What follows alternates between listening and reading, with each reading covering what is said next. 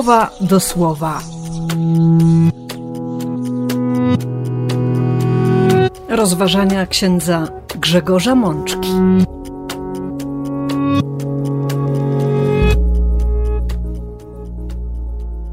Trzydziesta trzecia niedziela zwykła, rok A.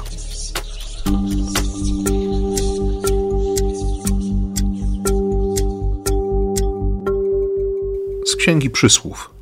Fałszywa jest przymilność i próżna piękność kobiety. Słuszną natomiast pochwałę uzyskuje kobieta rozumna. Taka wychwalać może bojaźń pańską.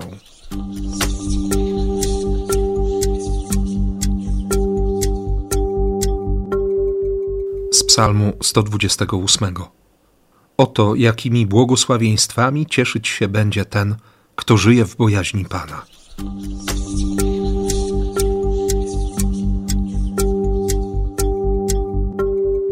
Z pierwszego listu do Tesaloniczan. Wy jednak, bracia, nie znajdujecie się w ciemnościach, tak by ów dzień mógł was zaskoczyć jak złodziej. Przecież wy wszyscy jesteście dziećmi światła i dziećmi dnia. Nie należymy do nocy ani do ciemności.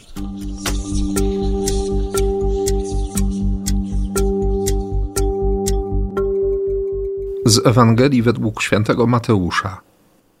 To jest jak z pewnym człowiekiem, który, mając wyjechać, przywołał sługi i powierzył im swoje dobra.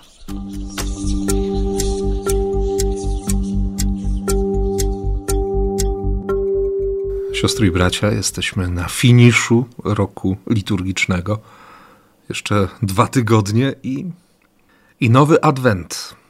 Dlatego liturgia chce nas zatrzymać byśmy przyjrzeli się sobie, byśmy zobaczyli też i podsumowali może w pewien sposób ten mijający rok, patrząc przede wszystkim na naszą relację z Bogiem, na wszystko, co się wydarzało do tej pory, byśmy w swojej historii odnaleźli Boże działanie, Bożą obecność, byśmy raz jeszcze ucieszyli się Bożą łaską, byśmy też w szczerości serca, w prawdzie, zapytali siebie, kim jest dla nas Bóg. Jakiego Boga poznaliśmy, jakiego Boga rozpoznaliśmy przez ostatni rok. Tym bardziej, że narzucającym się wręcz tematem dzisiejszej liturgii słowa jest bojaźń Boża. Doświadczenie bojaźni. Bojaźni, czyli świadomości tego, kim jestem i kim jest On, mój Stwórca mój Pan, mój Zbawiciel. Ta bojaźń nie prowadzi do lęku, do przerażenia, ale przeciwnie, prowokuje do zaufania, do miłości, do głębokiej relacji. Zachęca nas do zażyłości, o której możemy mówić bez żadnej przesady, że staje się przyjaźnią, byciem przy drugim, byciem przy Bogu na co zresztą bardzo mocno zwróciła nam uwagę liturgia ubiegłej niedzieli. I w tym właśnie kontekście przyjrzyjmy się tekstom, które otrzymujemy dziś w kościele. Najpierw ostatnie 22 wersety Księgi Przysłów.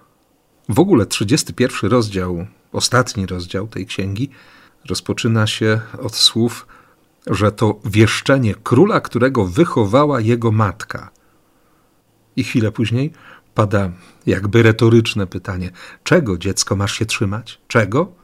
Wypowiedzi Boga, słów Bożych.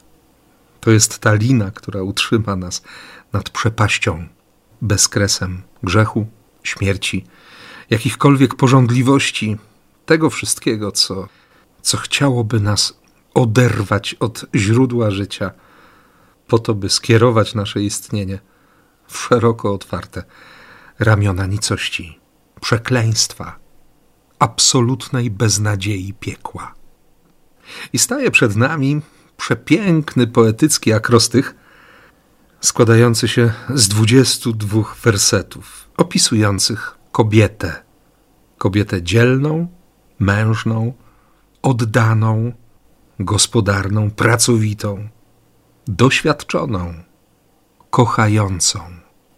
W dzisiejszym pierwszym czytaniu słyszymy tylko kilka wersetów z tego całego poematu, ale warto, jak zawsze, otworzyć Biblię i przeczytać całość tego tekstu. Wyłania się z niego obraz naprawdę dzielnej niewiasty, cenniejszej od szlachetnych kamieni.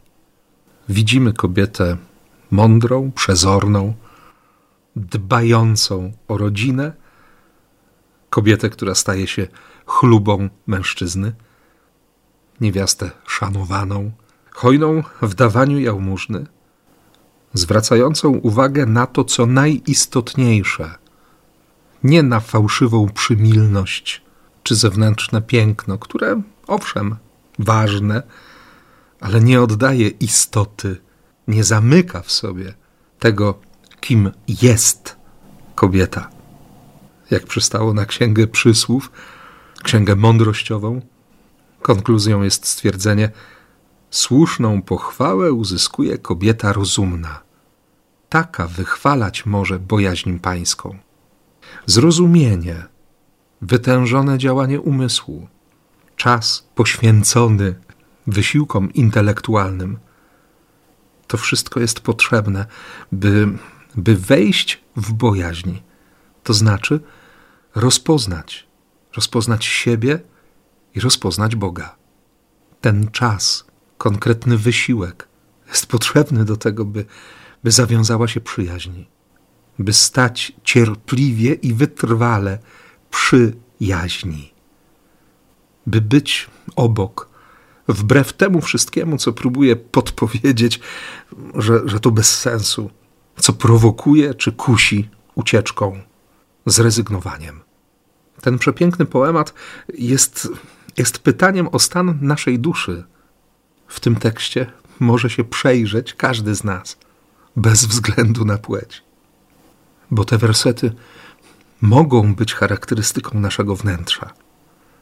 Biblia chce opisać nas, chce być naszym lustrem.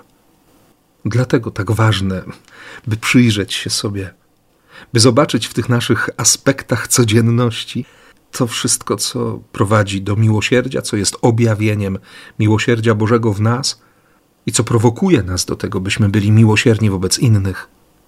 By przypomnieć sobie o tych wszystkich walkach i bitwach, które stoczyliśmy, by, by nie ulec grzechowi, by z pokorą również przyjąć porażki i przebaczenie, które ofiarował nam Pan, by zobaczyć, jak bardzo jesteśmy prawdziwi, pokorni, jak dalece ufamy Bogu, jak mocno Go kochamy, jak bardzo chcemy z Nim być. Bojaźń Pańska Wiem, kim On jest i proszę Go, by pokazał mi, kim ja jestem. Może w kimś z nas krąży w tym momencie modlitwa świętego Franciszka z Asyżu. Kim jesteś Ty, Panie? Kim jestem ja? Pokaż mi siebie. Daj mi odkryć prawdę. Naucz mnie widzieć Ciebie. Naucz mnie widzieć siebie. Patrzeć tak, jak Ty mnie widzisz. Dlatego komentarzem do tego pierwszego czytania jest Psalm 128. To jedna z pieśni śpiewanych w czasie pielgrzymki, w tym ostatnim etapie pielgrzymki do świątyni w Jerozolimie. Pieśń na stopniach. Tekst o tym, że szczęśliwi są wszyscy, którzy żyją w bojaźni Pana, którzy chodzą Jego drogami. Bo sporo jest błogosławieństw, którymi cieszyć się będzie ten, kto żyje w bojaźni Pana. Łaska zamiast łaski, łaska poprzedzająca łaskę i łaska, która przychodzi za kolejną łaską. Błogosławieństwa, których nie jesteśmy w stanie ogarnąć, a nawet przyjąć, bo mamy zbyt mało pojemne serce. Zbyt ciasne i krótkie jest nasze życie. Dlatego święty Paweł proponuje nam dziś, na początku piątego rozdziału pierwszego listu do chrześcijan w Tesalonikach, przypomnieć sobie, że dzień pański tak nadchodzi jak złodziej w nocy. Ale przecież my nie jesteśmy w ciemnościach, nie należymy do nocy. Jesteśmy dziećmi światła, dziećmi dnia. Jesteśmy dziećmi Bożymi. Dlatego, o czym Paweł doskonale wie i co tylko uświadamia gdzieś w przelocie Tesaloniczanom, którzy uwierzyli w Chrystusa, i on sam, i jego słuchacze, i adresaci listu, i my dziś szukamy jedynie właściwej perspektywy wiary. Stąd ta wcześniejsza refleksja nad bojaźnią Bożą. Stąd przekonanie o błogosławieństwach, o łasce, która nam towarzyszy. Zresztą modlimy się w tych ostatnich tygodniach tak konkretnie: Boże, niech Twoja łaska zawsze nas uprzedza, niech nam stale towarzyszy, pobudzając naszą gorliwość do pełnienia dobrych uczynków, albo Boże, uprzedzaj swoim natchnieniem nasze czyny, wspieraj je swoją łaską, aby każde nasze działanie od Ciebie brało początek i w Tobie znajdowało dopełnienie. Znajduje odpowiedź za świętym Franciszkiem z Asyżu na to, kim On jest i kim jestem ja. Chcę być człowiekiem, który wierzy, który żyje w pełni. Bo jak napisał święty Ireneusz z Lyonu, chwałą Boga jest człowiek żyjący w pełni. Dlatego, nawet jeśli mówimy, że doświadczenie śmierci jest zawsze zaskakujące, nawet tak po ludzku często zdarza się nam słyszeć, że, że to jednak za wcześnie, że ciągle nie w porę. To jako ludzie, którzy żyją, którzy robią wszystko, by trwać w przyjaźni z Bogiem, nie musimy się bać tego momentu. Jeśli mamy w sobie tę tęsknotę miłości, pragnienie spotkania Boga, to, to odnajdziemy się w drugim wersecie piątego rozdziału Pieśni nad Pieśniami. Ja śpię, lecz serce me czuwa. Bo czy nie chodzi o to, aby we właściwy sposób myśleć o Bogu, by za nim tęsknić, by mieć w sobie, by pielęgnować w sobie to pragnienie bliskości, by zobaczyć w sobie i zobaczyć siebie oczami Boga. Przede wszystkim zobaczyć człowieka, który jest podmiotem Bożej miłości, bez względu na wszystko, co się wydarzyło w naszej historii. Bo jestem pewien, siostry i bracia, że każdy z nas doświadczył w tym mijającym roku wielu porażek. Spodziewaliśmy się zupełnie czegoś innego, nawet po sobie. I bywały momenty, kiedyśmy się srodze na sobie samych zawiedli. A Bogu wcale nie chodzi o to, aby przekreślić to wszystko, co się wydarzyło, aby swoje życie przekreślić, aby zrezygnować z szansy powrotu, z jeszcze jednej próby wyjścia z ciemności. Bogu naprawdę zależy na naszym życiu. On chce dla nas nieba. Dlatego powierza nam swoje skarby. Przede wszystkim ten najważniejszy życie. I właśnie o życiu traktuje dzisiejsza Ewangelia. Bo przypowieść, która dociera do naszych uszu, jest związana nierozerwalnie z tekstem, który usłyszeliśmy w minioną niedzielę. Mądre, głupie panny i to straszne, ja was nie znam. I apel Jezusa, czuwajcie więc, bo nie znacie dnia ani godziny. To jest jak z pewnym człowiekiem, który mając wyjechać, przywołał sługi i powierzył im swoje dobra.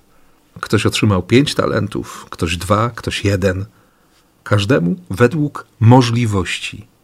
Pamiętamy, że talent to jednostka wagi. Chodzi przede wszystkim o kruszec, który był używany do wytopienia monet. I w zależności od czasów, a także szerokości geograficznej, od terenu Imperium Rzymskiego, zresztą nie tylko Imperium Rzymskiego, talent mógł ważyć między 21 a 68 kg.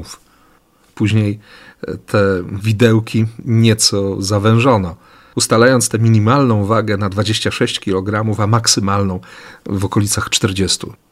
Gdyby tę miarę jeszcze uśrednić do wartości 30 kg, w czasach Jezusa mogło to być faktycznie 28, może i 30 kg czystego kruszcu.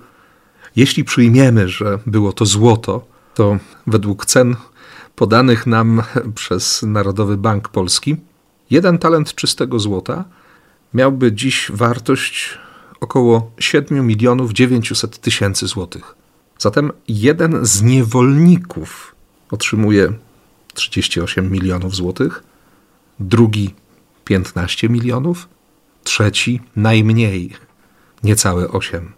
Przecież to ogromna suma pieniędzy. Zatem po pierwsze, główny bohater opowieści Jezusa to człowiek niezwykle bogaty. Po drugie, najwyraźniej lubi ryzyko albo zgadza się na ryzyko. Powierzając niewolnikom takie sumy pieniędzy, liczy przede wszystkim na ich uczciwość i na zaradność. I faktycznie, dwaj słudzy opisani w Ewangelii odpowiadają na to zaufanie gospodarza i spełniają jego domniemaną prośbę, żeby, żeby się nie bać wypuścić ten ciężar bogactwa ze swoich rąk, by go pomnożyć. Ale jest też niewolnik, któremu zdaje się, że, że siedzi trochę w głowie swojego pana i, i ponieważ ma na jego temat bardzo negatywne zdanie, to ukrywa te pieniądze w ziemi. Święty Łukasz w bardzo podobnym tekście o minach, to jedna sześćdziesiąta talentu, mówi o tym, że, że ten niewolnik owinął pieniądze w chustę grobową, w całun grobowy, sudarion, i włożył w ziemię, tak jakby, jakby sprawował ceremonię pogrzebu. Ukrył skarb swego pana w ziemi. Chciałoby się dzisiaj kolokwialnie powiedzieć, kładąc na nim krzyżyk. Mija pewien czas, słudzy zostają wezwani do złożenia przed swoim panem sprawozdania z odpowiedzialności i z zarządzania jego pieniędzmi. No i słyszymy o tym, jak przebiega rozmowa i jakie są konsekwencje z jednej strony pomysłowości, a z drugiej lenistwa, które jest podszyte strachem. Ale wiemy też dobrze, że w tym słowie chodzi o coś więcej, że trzeba znów wejść pomiędzy litery, po to, żeby odkryć tę głębszą warstwę tekstu i właściwie zobaczyć sprawy oczywiste, na które Jezus dziś chce zwrócić też naszą uwagę. Po pierwsze, chodzi właśnie o życie, o ten skarb nieoceniony, o życie, które ma swój ciężar, bo jest niewyobrażalnie cenne. Ten ciężar w Biblii jest bardzo sugestywny, bo oznacza zarówno coś, co ciężkie jest i trudne do uniesienia, a z drugiej strony odzwierciedla chwałę Bożą. Może właśnie o to chodzi, żeby, żeby tak dziś popatrzeć na swoje życie. Niezwykle cenne miejsce objawienia chwały Bożej, mające swoją wagę. Bo różnie się dziś mówi o życiu, różnie my potrafimy na życie patrzeć. Szczególnie, że żyjemy w świecie, który jest kompletnie zagubiony w tym chaosie pojęć i potrafi przewartościować znaczenia słów fundamentalnych dla naszego istnienia. Kolejna rzecz, na którą Chrystus na pewno zwraca dziś naszą uwagę, to, to odpowiedzialność. Bóg naprawdę nam ufa. On wierzy, że nie zmarnujemy tego, co nam dał. A jeśli nie będziemy wiedzieli, co zrobić z tymi darami, tak jak niewolnicy, którzy byli na pewno oszołomieni bogactwem powierzonym w zarządzanie przez ich pana, to będziemy szukać ludzi, którzy mają większe doświadczenie w relacji z Bogiem, od których możemy się nauczyć, jak wykorzystać ten potencjał błogosławieństwa. Co ważne, tymi bankierami mogą być też doświadczenia życiowe trudności, te wszystkie momenty naszego życia, okoliczności, wszystko, co sprawia, że stajemy przed Bogiem w jeszcze bardziej gorliwej modlitwie. To na pewno będą chwile spowiedzi, adoracji, momenty zaufania albo i krzyku w kierunku Boga, kiedy przychodzi cierpienie, niepowodzenie, kiedy przeżywamy jakiś lęk, bezsilność, kiedy doświadczamy niepowodzeń, rozmaite życiowe talenty ciężary, różne uzdolnienia, czasami zachwyt nad życiem, nad codziennością, bo to właśnie ona obfituje w Boże cuda. Dlatego trzecią wskazówką, bardzo wyraźnie podaną w dzisiejszej przypowieści, jest zgoda na to, by się nie trzymać tak kurczowo własnej opinii, bo to moje zdanie na temat Boga, Kościoła, nawet na temat mnie samego, może się stać równią pochyłą ku, ku samotności i ku śmierci. Moja upartość bez regularnej konfrontacji z Bożym punktem widzenia, choćby przez ten kwadrans szczerości, jak często nazywa się praktykę codziennego rachunku sumienia. Bo naprawdę nie chodzi o to, żeby potraktować to Boże zaufanie, łaskę życia czy, czy miłość, którą otrzymujemy od Boga, jako rzeczywistość umarłą, nieprawdopodobną, nierokującą nadziei, jako coś, co trzeba po prostu złożyć na cmentarzu historii.